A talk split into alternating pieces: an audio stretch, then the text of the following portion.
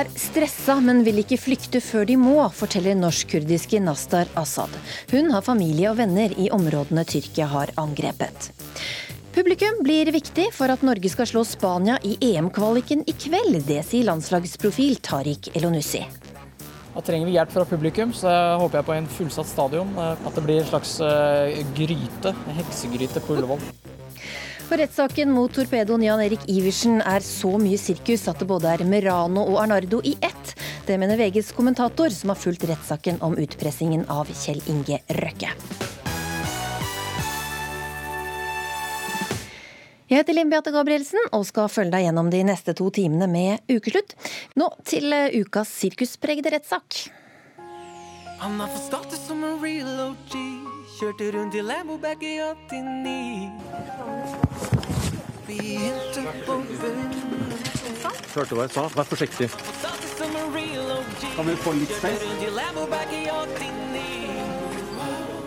Nei, altså det er jo ikke like hyggelig å ha en ulveflokk som dere rundt meg, som stikker kamera i ryggen på meg og går rundt meg, men Han er på status som en real OG. Kjørte rundt i Lambo back i 89.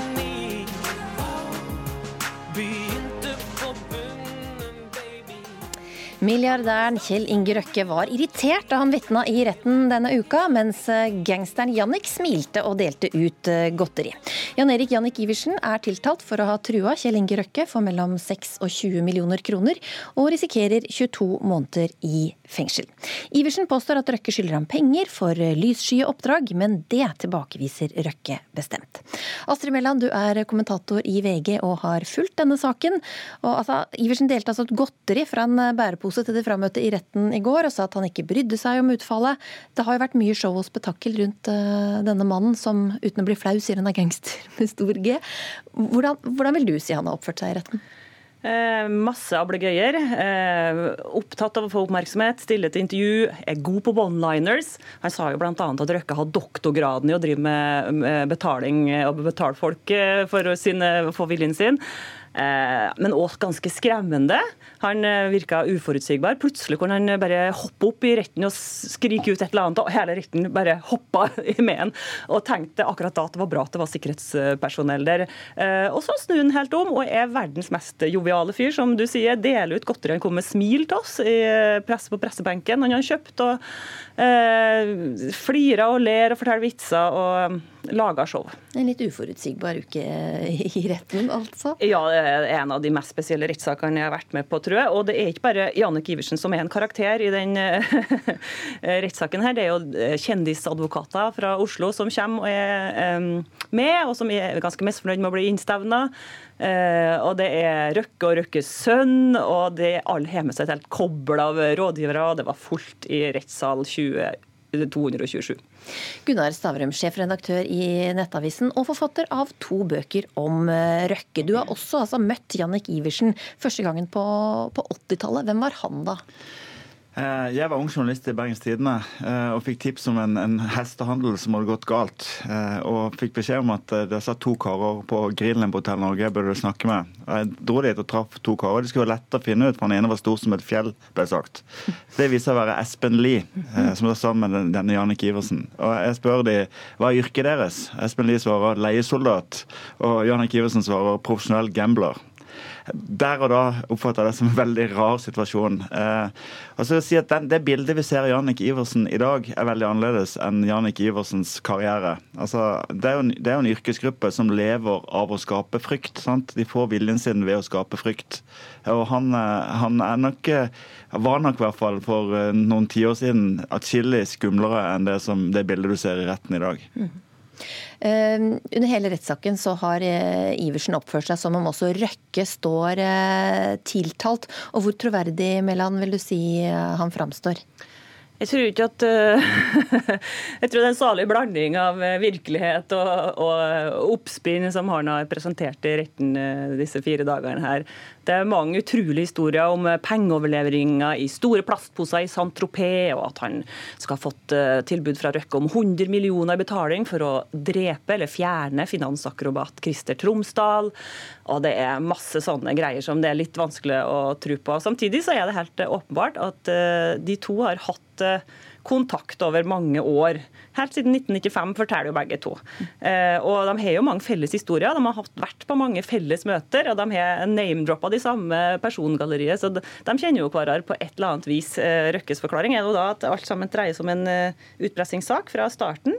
Mens Jannik Iversen mener at han har hatt oppdrag på betaling for Røkke.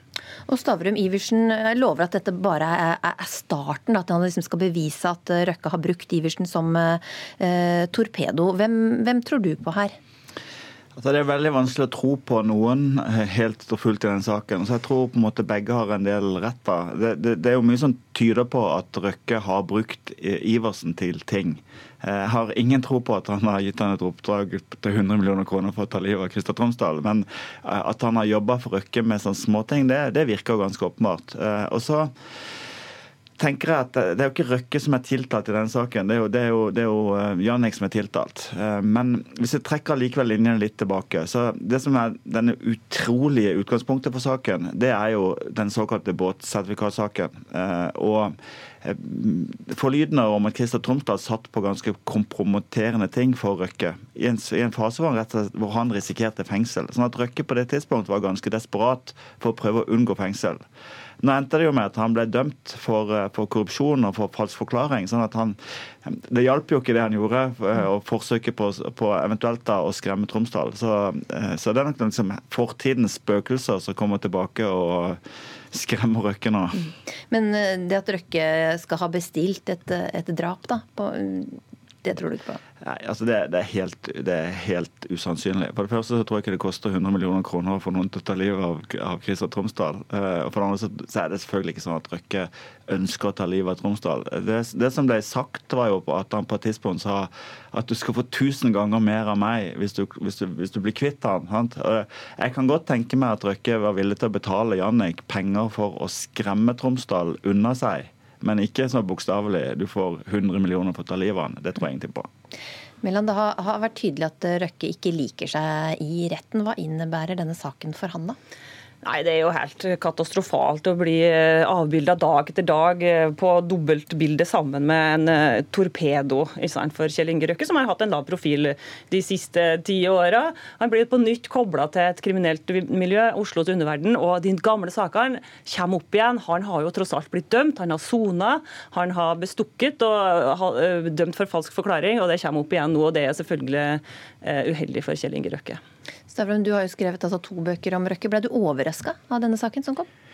Altså, jeg er overrasket at saken kom nå, eh, men jeg er ikke veldig overraska over det som kanskje var det historiske bakteppet for saken. Eh, jeg tror det er riktig å si at Kjell Inge Røkke, som, bare for å dra linjene litt, han kom jo tilbake til Norge, et Norge som var utbomba etter finanskrisen, hvor ingen hadde penger. Han hadde tjent 2,5 milliard kroner og kom fra, fra USA. Hadde penger til å kjøpe ting oppførte seg som en litt villmann og bølle på den, den perioden, og jo, ble også dømt for kriminelle ting. Sånn at Røkkes fortid er ikke glamorøs, men de siste ti årene har han jo vært eh, en ganske nesten kjedelig industrialist som ikke har vært noe særlig i, i spaltene. Så det er overraskende at saken kom opp og kom så langt. Eh, skal jo sies Det er jo Røkke som har valgt at han faktisk kom så langt. For han har jo da valgt å hardt presse og sørge for at det ble en straffesak. Mm. Og Aktor krevde 22 måneder fengsel for, for Iversen. Hva var eh, forsvarer De Vibes uh, svar på det? Vibbe hadde en eh, ganske kunstferdig prosedyre der han klarte å framstille Jannik Iversen som offeret i saken, nærmest. Altså At det var Røkke som hadde oppført seg så dårlig at uh, Iversen nærmest ikke hadde noe annet valg, og han ba om frifinnelse. Nå er det lagt fram såpass mange ting i retten som er i hvert fall defineres som ganske truende. Tekstmeldinger og vitnebeskrivelser. Så jeg tror han Det skal mye til for å legge godviljen til, altså, hvis du skal tolke det som noe annet enn trusler. Takk for at dere kom til eh, ukeslutt, Astrid Mæland fra VG og Gunnar Stavrum fra Nettavisen. Vi har tilbudt Kjell Inge Røkke å komme hit i dag for å fortelle om eh, sin opplevelse av denne uka, men det takket han nei til. Hva kan norske barn om Etiopias statsminister, eller årets vinner av Nobels fredspris? I dag er en gyllen anledning til å lære litt mer om Abiy Ahmed, for på Nobels fredssenter er det som seg hør og bør feiring. Og reporter Menever Gildis, du står sammen med en del spente barn. Ja, det gjør jeg absolutt. Vi har nettopp fått en eh, innføring i hvem Abiy Ahmed er og hva han har gjort for, eh, for landet sitt, eh, Etiopia. Og alle som har vært her og gått gjennom det kurset, de har fått skilt hvor det står juniorekspert, og det står også 'spør meg om det er noe du lurer på om Nobels fredspris'. To av juniorekspertene jeg har med meg, det er Fatima og Magnus. Du, Magnus, hva lærte du på dette lille kurset her? Mm, jeg lærte at um, um, han, uh, har, har lagd mye fred. Og at um, det har vært over um, 100 000 mennesker Over 100 000 mennesker i det landet. Og så har, det, og så, um, har han gjort sånn at alle de politiske fangene har blitt sluppet løs. Og så har han gjort sånn Og, kan, og han har gjort sånn at um, de At jenter har mer de skulle ha sagt. Det er jo helt fantastisk. Fatima, hva med deg? Hva lærte du på det lille kurset her i dag? At, um, at nå uh, er de fangene sluppet, og at det er fred i Etiopia Etiopia, og at um, den etiopiske um, statsministeren og um, den eritreanske statsministeren har blitt enige om at de Du, Var det mye å lære seg? Var det mye som skjedde på dette kurset her nå, Magnus? Ja, det var ganske mye. Det var mange som fikk lære mye om han som gjorde mye fred. Og jeg synes at det var et veldig bra valg. Og nå skal dere gå ut med noen plakater. Eh, hva skal dere gjøre? For dere skal jo fortelle forbipasserende hvem Abiy Ahmed er. Hva, hva sier du da, Fatima? Um, at Abiy Ahmed har vunnet Nobel fredsprisen dette året. Og at han er statsministeren i Etopia, Og at um, og at han har gjort fred i Etopia, og at og så skal dere litt etterpå møte hun som er leder for Nobelkomiteen som har gjort dette valget her. Hva har du planer om å si til henne, Magnus? Jeg har planer om å si at um, det var et veldig, veldig bra valg. Fordi at han har lagd veldig mye fred. Han har laget veldig mye fred. Nå skal de gå og lage litt liv og røre her på Aker Brygge, før de møter Nobelkomiteens leder Berit Reiss-Andersen om litt. Og, så skal de fortelle henne hva, har, hva, de har lært på dette kurset her. Takk, Monever Gildis. Her var det mye å lære. Og vi blir med om en halvtimes tid når disse barna møter Nobelkomiteens leder. Det er eh, stor spenning knytta til kveldens fotballkamp mellom Norge og Spania på et utsolgt Ullevål stadion. Vi bør helst vinne, men kan tåle en uavgjort for å komme oss et skritt nærmere EM-deltakelse i 2020. Ukesluttsreporter Synnøve Svabø fikk et eh, eksklusivt møte med trener og spillere i forkant av kampen, men eh, svingte først innom supportershoppen på Ullevål stadion. Bernhard Jacobsen på fotballshoppen på Ullevål stadion. Eh, merker dere at det er økt interesse rundt fotballandslaget nå? Ja, det merker vi. Det er helt utsolgt for voksendrakter. Mange unge norske spillere har begynt å gjøre det bra i både La Liga og andre ligaer. Eh, jeg ville sagt at Ødegaard er den vi selger mest av. Eh, så har de jo King som gjør det bra i Premier League. Men jeg tenker at det blir sikkert en del flere Haaland framover.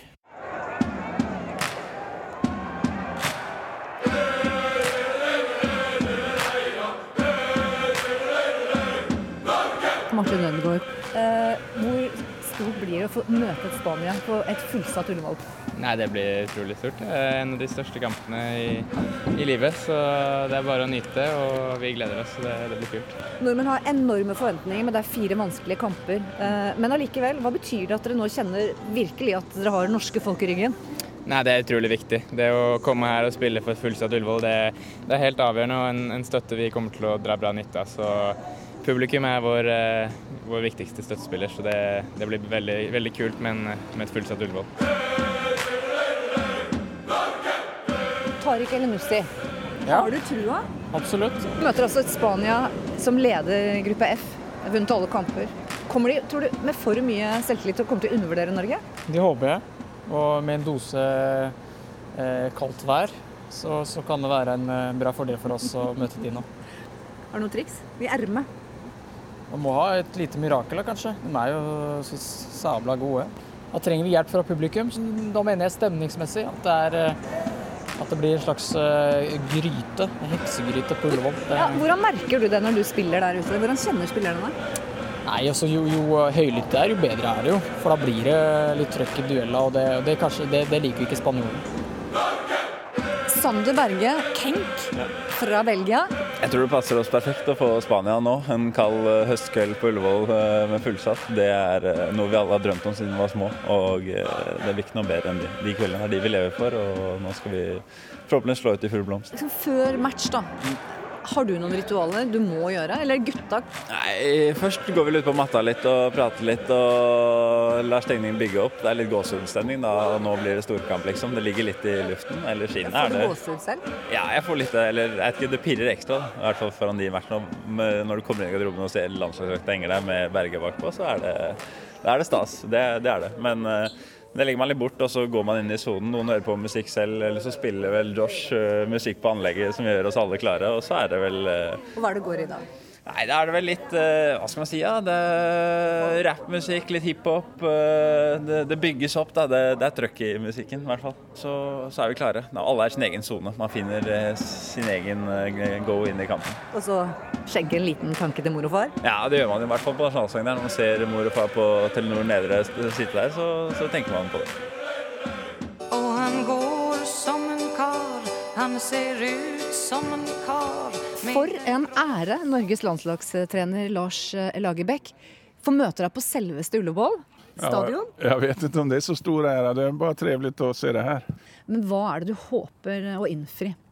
Hvis matchen skal gå akkurat som Lars Lagerbäck ønsker det. Vi møter jo et av, av verdens beste landslag som kanskje er vanskeligst svårast framförallt å spille mot. Sen om de er verdens beste, kan man diskutere. Du kommer nog få se en match där de har bollen mer enn hva vi har. Eh, vi kommer å forsvare en del og det kommer kanskje å være den viktigste nyckeln for oss å kunne forsvare så at vi låser deres anfallsspel så bra som mulig. For at even om man har bollen litt mindre så bruker man alltid skapa et antal målsjanser. Så har vi et bra forsvarsspill, da tror jeg vi har en, en realistisk chans å, å, slå Spanien. Man måste ha troen, man måste ha hoppet, men man måste ha kjærligheten for fotball også. Eller hva er viktigst?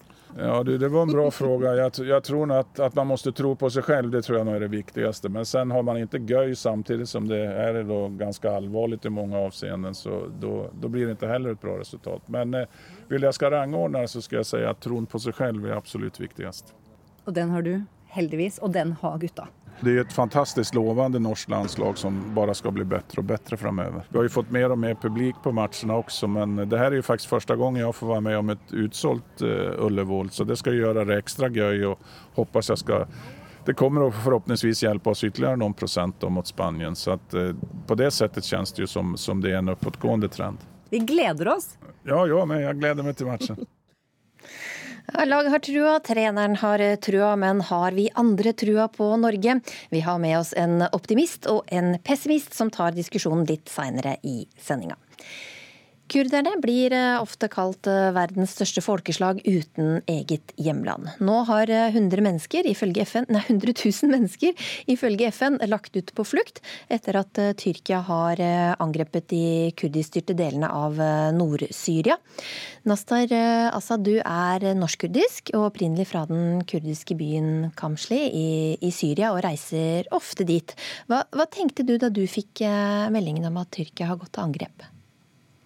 Nei, Det som først og fremst kom til meg, var en stor eh, bekymring, faktisk, fordi jeg fikk sånn klump i halsen. Fordi jeg har jo en del slektninger der. Så, og jeg, vi har jo vært vitne til tyrkisk angrep tidligere. Så det, det er ikke noe man tar for, for gitt, da. For det, det, jeg tror det Den bekymringen var veldig reell, da, for meg i hvert fall.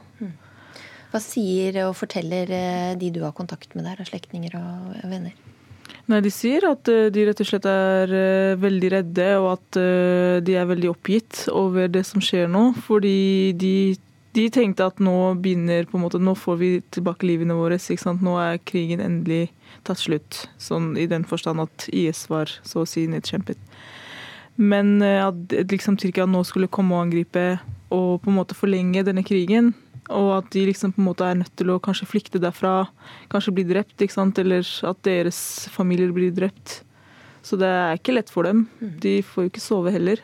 Vi hører mange er, er på flukt, men er, er det noe de vurderer, din familie også?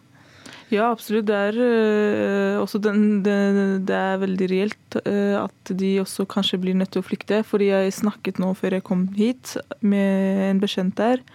Og de har jo naboer som har flyktet, så de tenker at det er noe vi også burde gjøre. Ikke sant? Hva venter da, hvis man flykter? Hva, man Ja, hva, hva skjer da? Hvis du flykter, hva er det du begir deg ut på da? Nei, ikke sant. Du, du vet ikke. Er- ok, Tør jeg å bli igjen og bli drept, eller eh, må jeg liksom bare ta barna mine? For det er jo egentlig for de jeg snakker med, så er det først og fremst barna de er bekymret for. Og så OK, skal vi flykte, så er Hvor da? Hvor skal man flykte til? Og så hva, hva vil det liksom medføre til? Vil vi bo i flyktningleirer? Hvor lenge? Når kan vi vende tilbake? Hvem vil ta oss imot? Hvordan forbereder man seg til noe sånt? Nei, det altså, de, Mine slektninger vil ikke flytte, flykte før det liksom absolutt må. Så det er liksom på, på det nivået at liksom, ok, greit, nabobygningen blir bombet, så ok, da løper vi ut.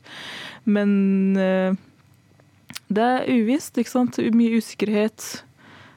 De vet ikke hvordan de skal forberede seg til, men at de må være klare til å liksom på en måte ja. Hva som helst, Ja. når som helst.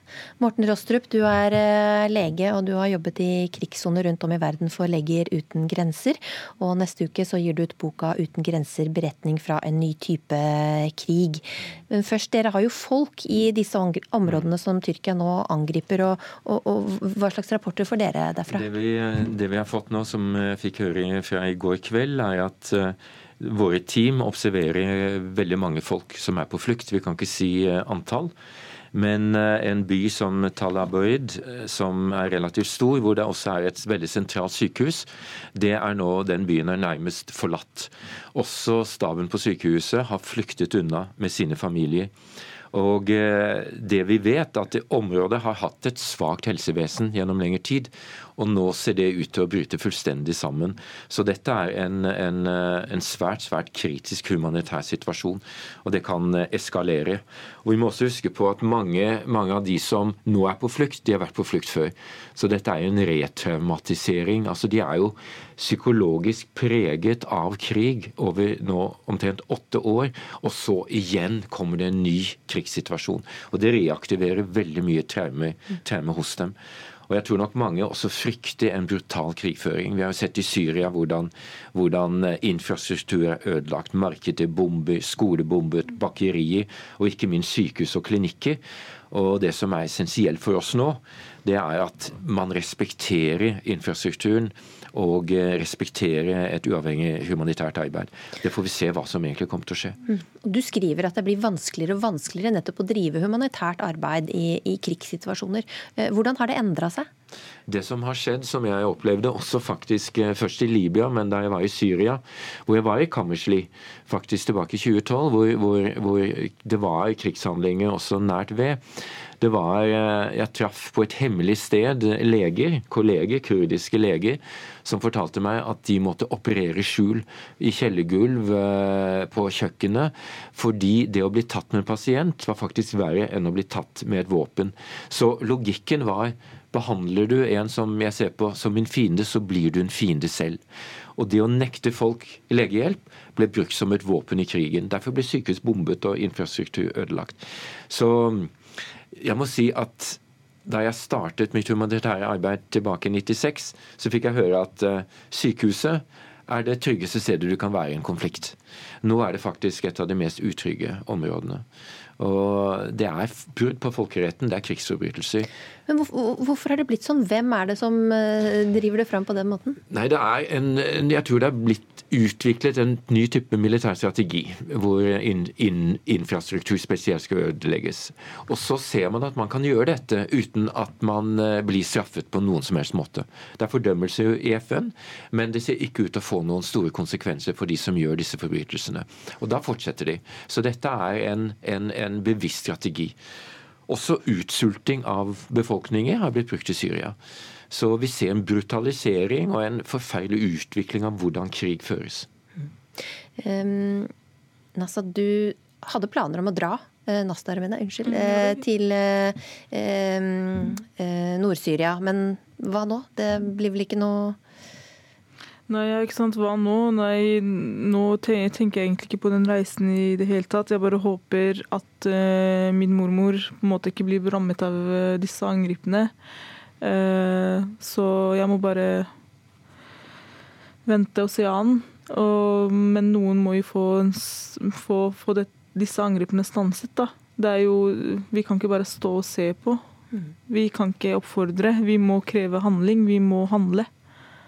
Og Tyrkerne sier jo at det bare er terrorister som er målet, og samtidig så hører vi her og vi ser bilder sånn som i avisa i dag, at sivile såres, som det jo gjør i de fleste eh, kriger. Hvordan opplever du det? Ja, jeg leste også den artikkelen i Aftenposten hvor eh, lille Sara på åtte år var blitt eh, mistet et bein i et angrep, og hennes bror som var død. Eh, Så hvordan, hvordan kan Tyrkia hevde at de dreper eller angriper kun eh, terrorister? På hvilken måte er Sara på åtte år en terrorist? Rostrup, eh, hva tenker du hva, situasjonen vil bli? da? Hvor, hvor lett vil det bli å hjelpe sivilbefolkninga nå Det er det vi får se på. Ehm, Det vi frykter, er jo at vi ender opp i en type krigføring som vi har sett før i Syria. Det vi innstendig ber om, det er jo at det er respekt for uavhengig humanitært arbeid, og at eh, hjelpearbeidere slipper til, leger slipper til der hvor folk blir skadet. Og så må man begrense skade av sivile. Men når man eh, slipper bomber og, og driver med skjelling rundt omkring, så kan man aldri vite hvem man treffer. Og eh, i tillegg sykdommer som oppstår fordi eh, folk flykter unna. Og mangel på vann. altså Det systemet også blitt bombet. Slik at eh, vi ser for oss i verste fall en humanitær katastrofe. Tusen takk for at eh, dere kom hit til eh, ukeslutt, Nastar Assad og Morten Rostrup. Tidligere i sendinga møtte vi Magnus og Fatima, som har fått i oppdrag å lære seg mest mulig om årets fredsprisvinner. Og reporter Munever Gildis, nå skal de møte Nobelkomiteens eh, leder for å imponere henne. Ja, de har allerede hilst på Berit Reiss-Andersen, og det er en hyggelig prat her som, eh, som foregår her. Og bl.a. Magnus som vi snakket med i sted, han har noen ønsker og eh, oppfordringer til Nobelkomiteen som jeg tenkte han skulle ta med, ta med Berit Reiss-Andersen. Du Magnus, du sa noe til eh, Berit i sted, hva var det du sa? Um, At um, de burde vurdere litt om de skal eh, gi eh, Nobelprisen til Greta Thunberg, fordi hun har jobbet veldig hardt. Hva svarer du på det, Berit Reiss-Andersen, leder for eh, Nobelkomiteen? Ja, Da må jeg svare det at vi mener at Abiy Ahmed eh, var mer fortjent til prisen i år. Vi synes at han er den som har gitt det største bidraget til fred. Man får ikke Nobelprisen eh, for å ha jobbet veldig hardt alene eller å jobbe for en god sak. Det må en, være en jobb som er et stort bidrag til fred i verden. Og så har ikke jeg lov å si til noen utenfor komiteen hva vi har diskutert inne i komiteen. Det er faktisk hemmelig. Hva tenker du om det du hører nå, Magnus?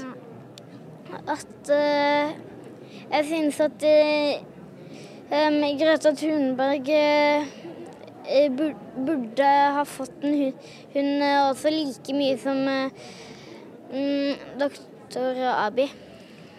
Ja, han, eh, eh, Magnus er sikker i sin sak. Men du, hvem kunne du tenkt deg eh, at skulle få prisen, Fatima? Jeg syns også Greta Thunberg burde fått den, fordi hun har klimastreiket veldig lenge for jorda. Men du, eh, men hva tenker du om at Abiy Ahmed har fått prisen, da?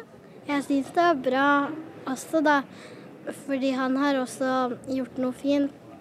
Fordi han har mm, eh, sluttet en krig som har vart, som har vart mm, mm, veldig lenge. Og det, er, eh, og det var Etopia og mm, Eritrea som hadde krig. Er du imponert? Altså, Jeg er imponert over dere to, og så er jeg imponert over alle de eh, barn og unge som nå tar til orde for at vi må ta klimaproblemene på alvor. Det er jeg veldig imponert over. Kommer du til å tenke annerledes når du velger noen neste år? Altså Hvert år er et nytt år, så svaret er jo alltid ja. Det er klart vi må tenke nytt og annerledes hvert eneste år. er en utfordring å se på verden. Hvor er det krig og konflikt, og hva skal vi definere som krig og konflikt? Og hvem er det som har gitt det beste bidraget til å forsøke å løse krig og konflikt? Berit Reiss-Andersen, det er dagen derpå. Hvordan har eh, det siste døgnet vært eh, for deg? Det har vært utrolig flott. Veldig slitsomt. Uh, og jeg føler meg litt matt, men det er veldig gøy å være her. Hvordan har reaksjonene vært? De har vært for det vesentligste positive. Og så syns jeg de kritiske røster som har vært, er både forventet og det har vært en balansert kritikk. Det er eh, det vi hadde fra Nobels fredssenter på Aker Brygge i Oslo i dag. Og nå fortsetter eh, feiringen av Abiy Ahmed her eh, utover dagen. Tusen takk skal du ha, Munever Gildis. Rådkvinne, lenskvinne, jordfar, sivilombudskvinne. Det høres eh, plutselig litt pussig ut når man bytter ut mann med kvinne i eh, kjente titler. Og i mange kommuner så innføres det nå kjønnsnøytrale titler som kommunedirektør i stedet for rådmann. Men vil folk på gata bytte ut rådmann med noe mer eh, nøytralt? Kanskje litt overdrevet? Du er jo kvinne. Hvis du ble rådmann, hva ville du følt at det var greit? Kanskje, ja. Nei, kanskje ikke. Rådkvinne. Jeg syns de høres rart ut, ja. men det har sikkert med at man aldri har hørt det så Eller har ikke hørt det så mange ganger. Det høres litt rart ut at en kvinne er fylkesmann. Jeg vet ikke om vi blir så mer kjønnsnøytrale om å ha de annerledes titlene, jeg. Ja. Nei. Nei. Det heter brannmann, det kan like så godt hete brannperson, tenker jeg. Jeg fremmer likestilling, men jeg synes kanskje det er litt drøyt. Fordi det er alltid Altså, man vet hva en rådmann er. Det ligger jo i ordet at det kanskje er en mann der, så kanskje de burde finne et nytt ord. En slags råd fyr. Ja, det er vel òg en mann. Ja. Men på kvinne, da? Ja, det var ikke ja. Men er, det, er dere oppe for rådhen? Ja, men det blir jo, ja. Rådhen er jo Det er det jo begge deler, da. Ida Julsen, du sitter i bystyret i Fredrikstad for eh, Miljøpartiet De Grønne, og du foreslo og fikk gjennomslag for at rådmannen skulle hete kommunedirektør i Fredrikstad. Hvorfor er det viktig? Eh, det er viktig fordi det er både gammeldags og avleggs å kalle alle de kvinnelige topplederne i norske kommuner for eh, rådmenn. Vi trenger flere kvinnelige toppledere, og da må vi også synliggjøre at toppstillinger ikke er noe som er tiltenkt et spesielt kjønn. Og når jeg hører ordet rådmann, så blir det jo bildet av en godt voksen mann jeg ser for meg. Så da var det på tide å endre tittelen. Bjørn Sølsnes, eh, journalist i Sogn Avis og avtroppende lokalpolitiker i Leikanger for eh, Senterpartiet. Du motsatte deg sterkt at rådmann skulle byttes ut i din kommune. Hvorfor det? Nei, det har sammenheng med at det er en eh, innarbeidet tittel som folk er vant med. Alle veit hva en rådmann er, og det ligger i ordet hva en rådmann gjør, nemlig det er en som gir råd til politikerne. Og, og en direktørtittel bærer bo om ei annerledes rådmannsrolle enn det vi ønsker. Mm. Julesen, hva tenker du om det? Det er en innarbeidet tittel, vi vet hva det er? Det tenker jeg ikke er noe godt argument. Det, det er mange tradisjoner vi kanskje er glade for at vi har eh, endra på. Eh, i dag. Det, det, vi trenger, er jo en systemendring. Det, rådmann det er jo tilbake til 1930-tallet den tok det inn i kommuneloven. Og da var det menn som ble rådmenn. Det, men i dag så må jo stillingsbeskrivelsen mer si noe om funksjon, og ikke et kjønn. Det, så derfor bør vi absolutt ha eh, en kjønnsnøytral tittel på en så viktig posisjon. Jeg Syns du ikke det også, Sølsnes, at det skal være kjønnsnøytralt? Jeg veit ikke. Jeg tror jo at Julsen er nordmann. Og det er eh, i språket vårt at vi har mange titler på forskjellige ting som inneholder ordet mann. Og hvis en slår opp i eh, nynorskordboka eller bokmålsordboka, så er det fire tøyinger av ordet mann, og den fjerde er kjønnsnøytral i den type sammensetning. Altså, her får en heller tilpasse seg det språket vi har nedjervd fra generasjoner, heller enn å endre på titler så de blir mindre presise og ukjente for folk. Julesen, mann kan også bety litt mer sånn nøytralt uh, menneske. Nei, det er jeg ikke enig i. Det, det er, eh, En sier jo også i både kommunepolitikken og i ledelse så har det vært veldig gubbevelde. Og skal vi få til en systemendring, så ligger det også veldig mye makt i orda vi benytter oss av. Og jeg tror de aller fleste er enig i at det er fint å få et mangfold, også i ledelse. Det er både politisk ledelse og administrativ ledelse. Det, og da må vi også reflektere det i språket vi benytter oss av, og ikke si at alt har fungert så godt i alle år. Skal vi ha endring, så må vi også gjøre endringer. Sølsnes, vi trenger endring. Jeg ser ikke nødvendigheten av det. Nå har vi i Nye Sogndal for eh, ni dager siden tilsatt en eh, ny kvinnelig rådmann, som fortsatt får tittelen rådmann. Og, det, og den tilsettingen viser at begrepet rådmann er ikke et hinder for at kvinner søker seg til den type stillinger. Og at de gjør det, er flott, men det er unødvendig å endre tittelen. Men tror du, tror du menn hadde syntes det vært noe ålreit å vært rådkvinner, hvis det var sånn? Slik er det jo ikke, og det har litt med den historiske tøyingen og ordet mann, og at det er en innarbeidet tittel, så jeg ser ikke helt uh, likskapen i å snu opp ned på det på den måten. Men kan jeg bare si, for Egentlig så er det jo egentlig ikke snakk om å endre, hvis en egentlig bare følger norsk eh, kommunelov i dag så står det jo kommunedirektør. Det er jo egentlig bare kommunestyrene selv som er litt uvillige her til å endre på gamle innarbeida rutiner. Det er som man bare holdt seg til norsk lov, kalte det kommunedirektør, så er vi jo et langt stykke på vei. Det... Ja, Hva er galt med kommunedirektør, Sølsnes? Kommunedirektør er en dårlig tittel, og som blir sagt uh, i uh, debatten her i uh, Nye Sogndal, vi vil ikke innføre et direktørvelde i kommunen. og det det handler om at ordet direktør bærer på om ei annen rådmannsrolle enn en som gir råd til de folkevalgte, for det er de folkevalgte som sitter med makta. Og det er òg en uh, lang tittel.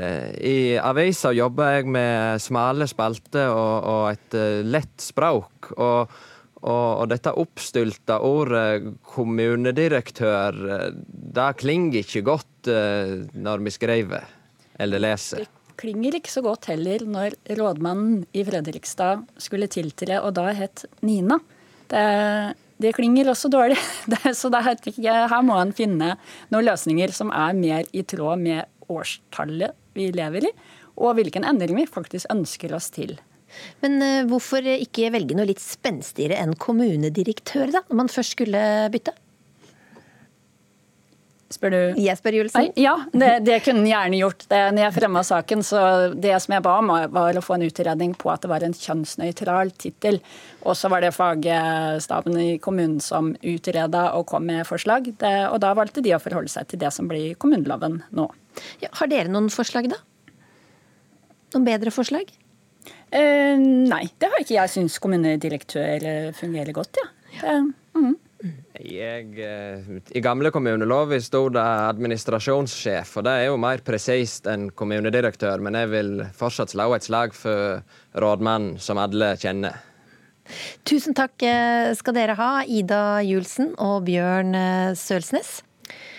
Neste år så passerer utbetalingene til uføretrygdede her i landet 100 milliarder kroner, og det er det høyeste noensinne. Totalt nå er det rundt 350 000 personer som mottar uføretrygd i Norge. Camilla Lyngen, for to år siden så skrev du i VG eh, om at du var på vei til å bli uføretrygdet. Hvordan er det nå? Eh, jeg endte opp med å bli uføretrygda, 80 i oktober i fjor. Eh, og med de kuttene og det som skjer i dag, så er jeg veldig glad for det. At jeg er blitt uføretrygda. Ja, for hva var din vei inn i uførhet? Jeg ble jo syk som elleveåring eh, første gang med omgangssykesymptomer som aldri ga seg, som resulterte i diagnosen morbus Crohn. Og med feil på behandling og og operasjoner og sånne ting, så har ikke jeg greid å bli bra nok til å fungere optimalt. Da. Men hvordan er det da å være uføretrygda? Først og fremst er det jo en trygghet i at jeg vet at det kommer inn penger hver måned. Eh, jeg har tida til å gå til behandling de legetimene jeg skal, og, og bli frisk, rett og slett. Og så, For det er målet? Det er målet. Men så var det jo Jeg håper vi kan snakke litt om helheten, for jeg er jo ikke ferdig med videregående pga. mangel på tilrettelegging. Og jeg tenker at Eh, vi må se helheten i, i, alt, og ikke bare kuttene i Nav og det som skjer i Nav. Men, men det er mye som skjer. Men, men, målet mitt er som sagt å komme meg ut i arbeidslivet igjen og mm. kanskje studere. Og nå må regjeringa tas på alvor, sier du. Hva mener du med det? Nei, altså Hvis man ser på forskning både innenfor uh, utdanning, helse og uh, arbeidsliv og Nav, så vet man jo det at, uh, at det å kutte ikke nødvendigvis vil få flere ut i jobb. Og det er jo det jeg er bekymra for å reagere litt på. fordi at vi ser det at i spesialundervisning i skolen så brukes den feil, som gjør at veldig mange havner på uføretrygd allerede før de har fått en sjanse ut i arbeidslivet. Eh, vi vet det at eh, folk er forskjellige. Vi trenger forskjellig tid til å bli frisk. Vi trenger forskjellig behandling for å bli frisk. Eh, og da å skal skrenke inn på det, i tillegg til å skrenke inn på økonomien, som heller ikke gjør folk noe friskere. Altså, med de kuttene som er foreslått i dag, så vil du ha utbetalt rundt 7000 kroner i måneden det er ikke veldig levbart for veldig mange. For Her snakker vi om, uh, om arbeidsavklaringspenger og at den reduseres, ikke sant. Eh, Heidi Nordby Lunde, stortingsrepresentant for Høyre og partiets arbeidspolitiske talsperson. Ta oss på, på alvor, sier eh, Camilla Lyngen her. Gjør dere det? Ja, det mener jeg at eh, vi gjør. Og jeg syns også Camilla har mange gode, gode, poenger. Men det som er litt av velferdsstatens dilemma, er jo at det er jo en vilje og et ønske om at man på den ene siden skal sikre anstendig inntekt til de som trenger det og av ulike grunner ikke kan jobbe, enten det er permanent eller, eller i kortere perioder. Men på den andre siden at det alltid må lønne seg å jobbe. Og eh, på arbeidsavklaringspenger så reduseres nå eh, ytelsen til de under 25 år. Og det er bl.a. fordi fordi at forskningen viser, og Nav også har eh, levert en rapport, hvor de anbefaler å gjøre dette nettopp fordi at de ser at inntekten til de under 25 år er høyere når de går på arbeidsavklaringspenger, enn dersom du er lærling eller student eller er i jobb under den alderen. Så de sier at eh, ytelsen som den er i dag, ikke fungerer. Og jeg tror eh, det var Simen Markussen ved Frischsenteret som sier at arbeidsavklaringspenger er et rullebånd ut av arbeidslivet, der folk låses inne i utenforskapet. Og For meg så vil det da være veldig usosialt å ikke gjøre noe med ytelsen. Men samtidig så må vi se på at man får en anstendig inntektssikring, som, som også Camilla er opptatt av. Ja, og Dere har fått masse kritikk eh, for dette kuttet eh, denne uka. Eh, men Camilla, hva, hva, hva, hva tenker du? Et rullebånd ut av arbeidslivet, sier Nordby Lunde her? Nei, Først og fremst så vil jeg jo si det at personer som er på AP under 25 år, har ofte ordna og høyere utgifter enn jevnaldrende på medisiner, behandling osv. Så, videre. så det tenker jeg er et dårlig argument i seg sjøl. Eh, men problemet med AAP sånn som jeg ser det i dag, og det som skjer, det er for det første at vi har et for dårlig helsevesen som fanger opp eh, folk for sent. Eh, man gir behandling for sent, og man gir feil behandling. Her må det store endringer til i helsevesenet for at det skal fungere. Og så har man da som sagt utdanningsløpet, der det òg må kom endringer både i form av den spesialundervisninga som gis, men òg generell tilrettelegging. Og Der ser vi at det mangler både i barne- ungdomsskole og videregående og på universitet, som gjør at folk detter ut, rett og slett. Og så må Nav-systemet rigge seg på den måten at vi er forskjellige folk. Vi kan ikke ha et system som er rigga for alle sammen. Og kanskje må vi se på hvem som mottar ytelsene. Kanskje må vi ha forskjellige ytelser for dem som vi kan få lett ut i arbeidslivet, og dem som absolutt er for syke til å komme seg ut akkurat nå. For det er feil at jeg som har vært uheldig og blitt syk, skal bli straffa for det. For jeg har veldig lyst til å jobbe. Jeg kjenner veldig mange som er i Nav-systemet. Jeg kjenner ingen som har lyst til å være der. Eh, og jeg skulle heller ha ønska at jeg kunne ha jobba 100% for de 12 000 jeg får i måneden, fremfor å, å sitte hjemme og, og, være syk, på en måte. Ja, hvorfor skal Camilla straffes?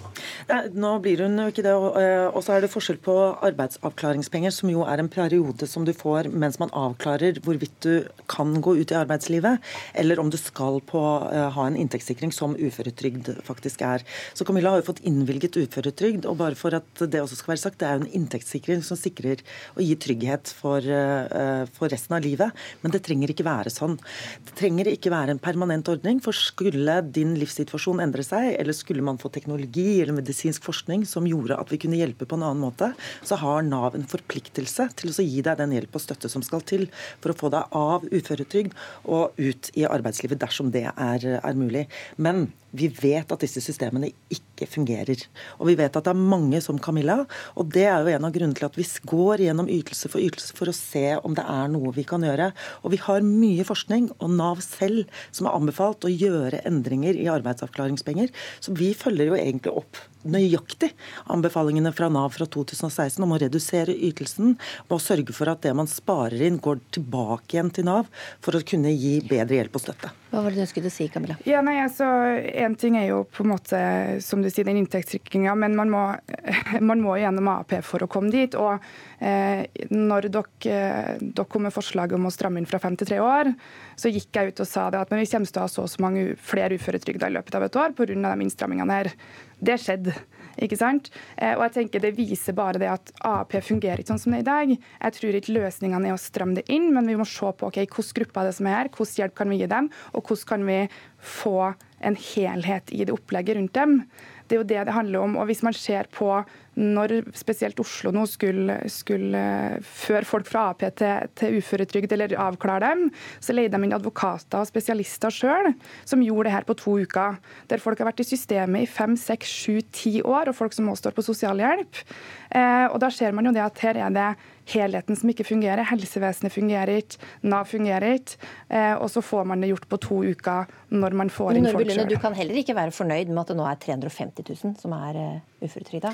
Nei, men nå skal, skal, vi huske på at det er svært mange av dem som faktisk skal være på uh, å ha en inntektssikring fra, fra, staten. Og vi ser jo også at en av grunnene til at så mange unge er på, på uføretrygd, er pga. medisinsk forskning og utvikling som har gjort at, at barn nå overlever sykdommer som de tidligere ikke gjorde, og får innvilget uføretrygd når de følger 18. Siden du også har lyst til at det skal bli litt færre, så har vi med Katrine Abrahamsen. Du er fastlege ved Nøtterøy legesenter i Vestfold. og har skrevet flere kronikker i VG om hvordan dere som leger kan hjelpe pasienter på andre måter enn bare å skrive ut eh, sykemeldinger eller ting som ender ut i, i, eh, i uførhet. Hva mener du må til for å få ned antall eh, uføretrygda?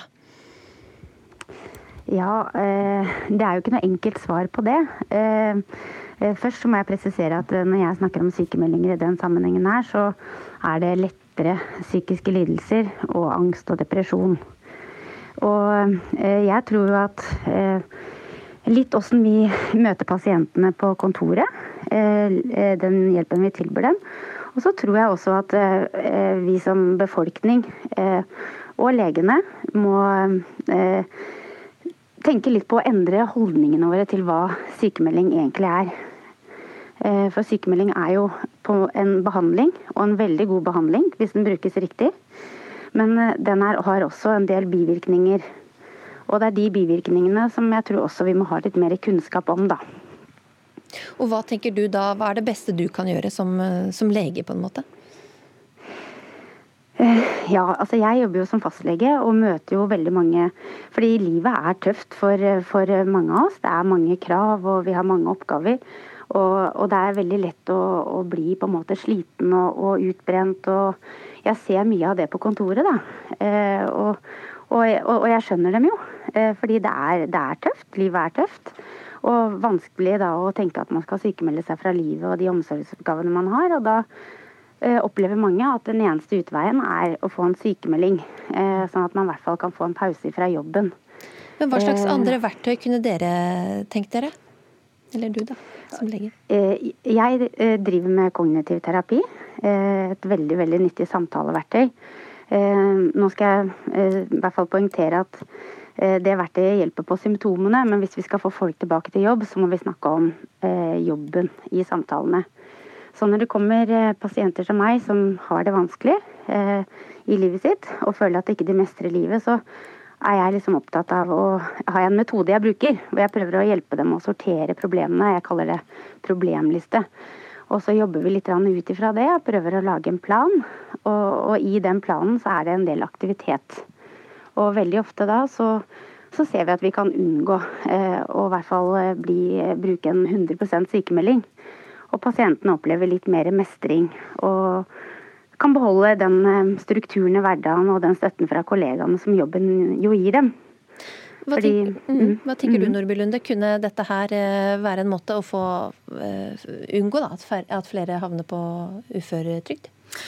Ja, eh, Som Abrahamsen påpeker, så er jo nettopp dette for lettere psykiske lidelser, angst og depresjon. og Det er jo særlig denne type diagnose som vi ser hos eh, unge eh, på arbeidsavklaringspenger eller på uføretrygd, som da blir passifisert i en hverdag hvor det, all forskning viser at de faktisk har bedre av å være ute i en eller annen form for aktivitet eller arbeid. Så Det er jo å gjøre folk en skikkelig bjørnetjeneste og sykemelde dem dersom man har den diagnosen. Så jeg er litt usikker på eh, Problembeskrivelsen er nok helt korrekt, som Abrahamsen er inne på. Men om alle fastleger da skal oppgraderes med å læres opp til eh, kognitiv eh, terapi, det er jeg litt usikker på. Men de kan i hvert fall istedenfor å sykemelde heller henvise til spesialister som nettopp har dette som fagfelt. Hva tenker du om det, Abrahamsen? Ja, altså eh, jeg tenker at det er, det er mange veier til å løse eh, altså sykemeldingsproblematikken. Jeg tror heller ikke at kognitiv terapi alene er en årsak eh, eller kan løse sykemeldingsproblemet vårt. Men det er nok helt hvis, hvis myndighetene hadde gitt fastlegene bedre rammevilkår, mer tid Fordi vi har 14 millioner konsultasjoner i året, mens eh, sykehuspoliklinikkene har 6 millioner. Sånn at det er vi som ser pasientene, det er vi som kjenner dem. Og det er vi som har ofte en god eh, relasjon til pasientene våre.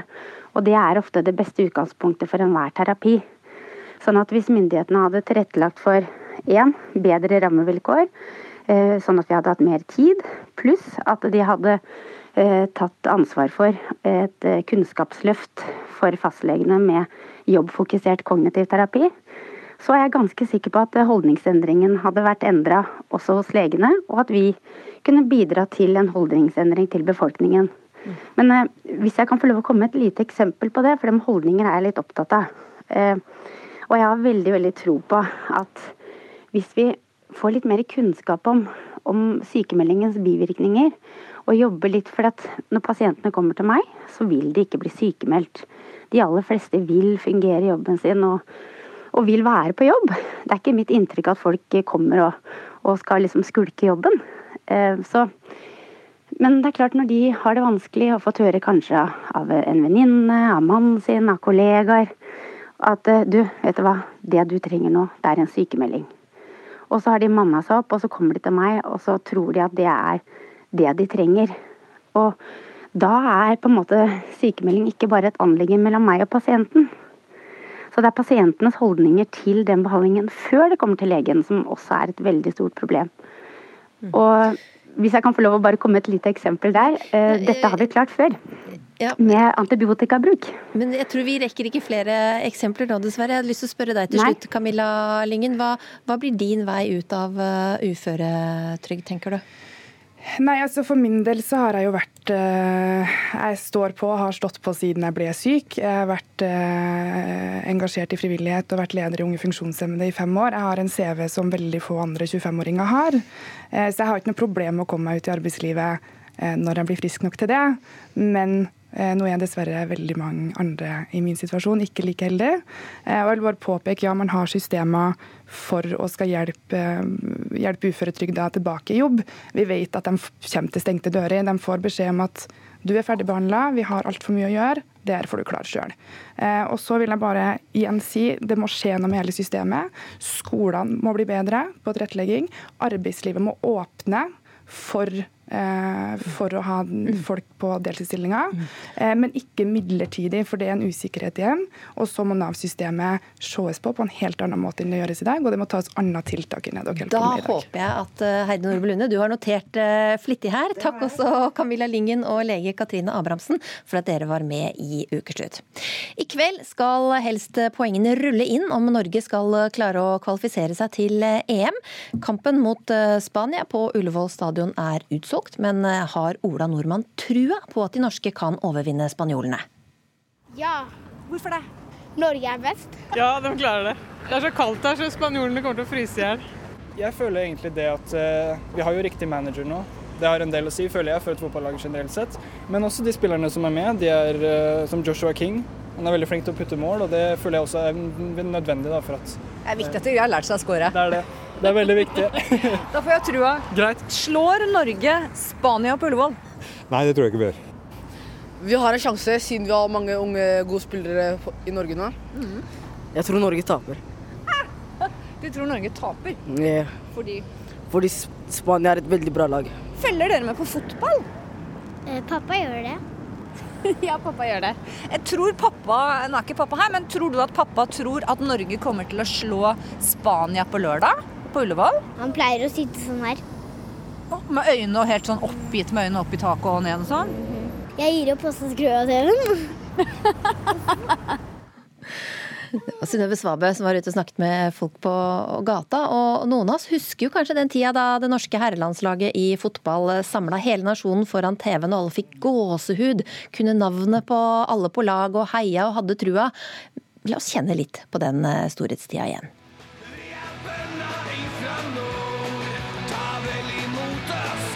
Det utrolige skjedde. Norge vant over Brasil 2-1. Vi har folk foran målet, vi har avslutning! Skåring! Vi har skåret i Marseille!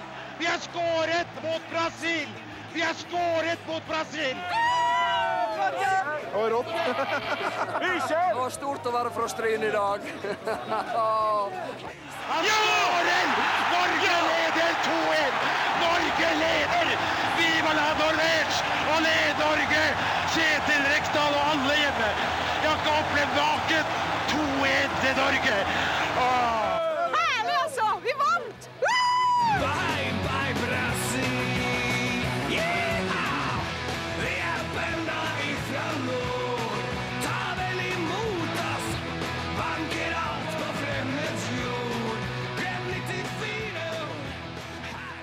Ja, Det er vel dette vi lengter etter igjen, da. Men eh, Harriet eh, Karoliussen, du er redaktør i Gyldendal, men i dag er du her som eh, fotballentusiast.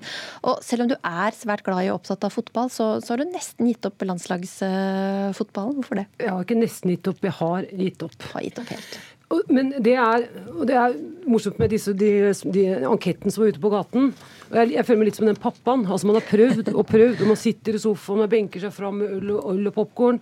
Og så blir det sånn Nei, uff, ikke nå igjen. Og så gir man det enda en sjanse. Og når man har gjort det nå siden 1998, når Rekdal skårte i Marseille, så jeg har ikke noe mer å gi for norsk landslag i fotball. Skuespiller Anne Marie Ottersen, du kaller deg selv sportsgæren, og du Mm. gleder deg til kampen i kveld. Hvor optimistisk er du? Ja, jeg er kjempeoptimistisk. Jeg er jo vant til altså For det første må jeg bare fortelle da vi Da, det, da, det, da de, øh, Dette i 98. eh, Da satt vi oppi Vi hadde en nybygd stue oppe i huset vårt. Og der satt en hel gjeng. Og da, han skulle, da Kjetil Rekdal skulle ta det straffemålet, da turte ikke jeg å se på. Og alle holdt hverandre i hendene, og jeg satt med ryggen til. Og så smalt det inn. Og du vet, ja, vi hørte over hele byen. Hele byen skrek. Det er fantastisk. Og jeg er optimist. Jeg, jeg er jo optimist av type også, men jeg er optimist her fordi at jeg er skuespiller. Og jeg har vært med på så Og, og skuespilleryrket er også en lagsport. Og jeg har vært med på så mange forestillinger hvor det har sett veldig svart ut u samme uka som vi skal ha premiere. Men jammen klarer vi å reise oss. Og det, det skjer på det gitte tidspunktet, den gitte dagen. Og det er akkurat det fotball også gjør. Og det er da det gjelder. Og det er nå det gjelder. Og jeg har tru på dem. Men Kan jeg bare skyte inn, eh, Anne Marie? Men, fordi at det er, det er lagsport. Og du skal ha med et lag, du skal ha med folk, du skal ha med publikum, akkurat som med teatret. Mens med det norske landslaget altså i, I 1998 så spilte veldig mange spillere spilte i, på, på lag fra Norge. Vi kjente dem, vi visste hva de drev med, det var kontinuitet. Nå spiller, nå spiller Fire av 24 spillere spiller eh, i utlandet på lag du aldri har hørt om. Vi veit ikke hvem de er, de sitter på benken, de har ikke noe samlende kraft, de har ikke noe kontinuitet. Det er ikke et lag som står fram som én som jeg tenker sånn Skal jeg heie på Norge? Norge, hva er det for noe? Det er, det er på en måte noen spillere spredt rundt i, i, i, masse, massevis av kontinenter. Jeg syns det er vanskelig. Ja, men det var vel litt sånn den gangen også. Var det ikke litt sånn at du måtte liksom komme deg ut og få, få spilt ute for å få den eh, optimale treningen som gjorde at du kom opp på det nivået som gjorde at du kunne yte på landslaget. Og så hadde vi jo det var jo selvfølgelig altså Vi lå jo mye lenger nede før Drillo. Og han hadde trua, og det tror jeg er kjempeviktig. Så jeg tror Heia, gutter! Dere må ha trua. Dere vet at dere kan klare det. Hva tenker du har skjedd, Karoliussen? Hva jeg tenker som har skjedd siden Ja, Som gjør at du eh, liksom gir opp at det ikke Nei, jeg, litt fordi at jeg er Altså, jeg heier mye heller på et klubblag. Jeg bor i Oslo, heier på Vålerenga, jeg har alltid heiet på Leeds United. Og det, er, og det, er, et lag i kontinuitet. Du kjenner spillerne. Øh, Hvis Leeds, Leeds taper og Vålerenga taper, så vet jeg at det går bare én uke, så vi har sjanse å komme opp igjen. Og heie på et lag som spiller sånn hist og pist, dann og vann, spillerne skiftes ut. Det, altså, jeg blir helt utslitt av det. Jeg, jeg får ikke noe jeg blir ikke kjent med dem, og det tror jeg er litt viktig for meg. Å ha en kontinuitet og ha kjennskap til spillerne, spillestilen og laget. Lagerbäck eh, var eh, eh, leder for eh, Island, og da fulgte vi med. Og, og mm, vi hadde en, jeg hadde en islandsk venninne, og det var altså Hun gråt, og vi gråt, og det var fantastisk hva det lille laget med de få folka klarte den gangen. Helt ut av det blå. de de kom kom, seg- til eh, kvarten. EM. Og det var det, Altså, det er sånne ting, vet du. Det er den magien, vet du. Så nå har du troen på at uh, Lagerbäck skal ja, klare å gjøre det samme for oss? Ja, altså det, han må, Vi må aldri gi oss, føler jeg. Du har ikke troa på Lagerbäck, eller? Jo, jeg tror på Lagerbäck, men jeg, jeg, jeg tror Norge og Island det er interessant. På, i, på Island bor det 300 000 folk. folk. De hadde vært midt i en, en stor finanskrise. Man samlet seg om noe. Eh, og, altså, litt dårlig bilde, eller kanskje ikke dårlig bilde. Fotballen og Lagerbäck kom ut på rett tid, rett tid til rett sted. Eller hva det nå enn heter. Men jeg, jeg tror det er for mye, det er for mye penger. Det er, det er klubbfotballen som de spiller på, hvor de tjener en million i uken, som trekker de mer enn å spille for et halvgodt norsk landslag som nesten aldri kommer seg opp. Lagerbäck skal snart slutte. Ja, han kunne hatt en kraft, det kan jeg være enig i. Han kunne vært en samlende kraft. Men han slutter da, om et år, eller som han nå har sagt. Hva skjer da? Da kommer en ny en. Ja, hvem skal det nå være? Ja, hvem nå det må være? Nei, det vet du hva, det har jeg trua. Men det er, det er nok riktig som du sier, at eh, ting skjer til riktig tid til riktig sted. Men jeg tror den grunnleggende entusiasmen, og jeg er helt sikker på som lagspiller selv, at når du, når du skal prestere, uansett, så gjør du ditt beste.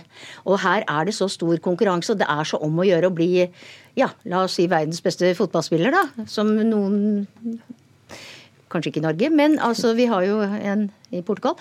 Og det er jo, det er jo veldig drivende, og jeg er helt dønn sikker på at de gjør sitt absolutt beste uansett. Og det er det som skal til. Og da, da, må man bare aldri Og det var jo det Drillo også sa.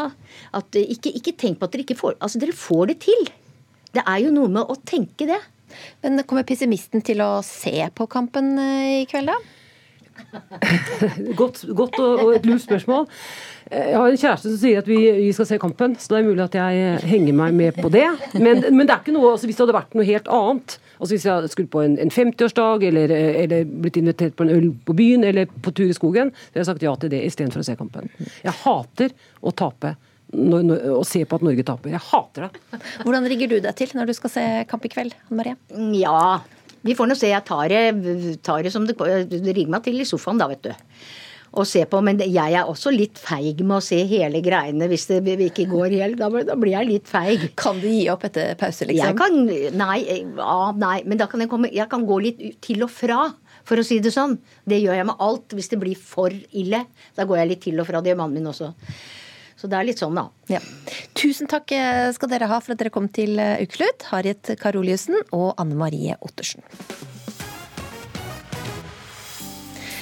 Og det var det. Ansvarlig for eh, Ukeslutt i dag var Vidar Sem. Teknisk ansvarlig det var Hilde Tosterud. Og i studio hørte du meg, Linn Beate Gabrielsen. Og i vår radioapp så kan du høre Ukeslutt som podkast om du skulle ha gått glipp av noe.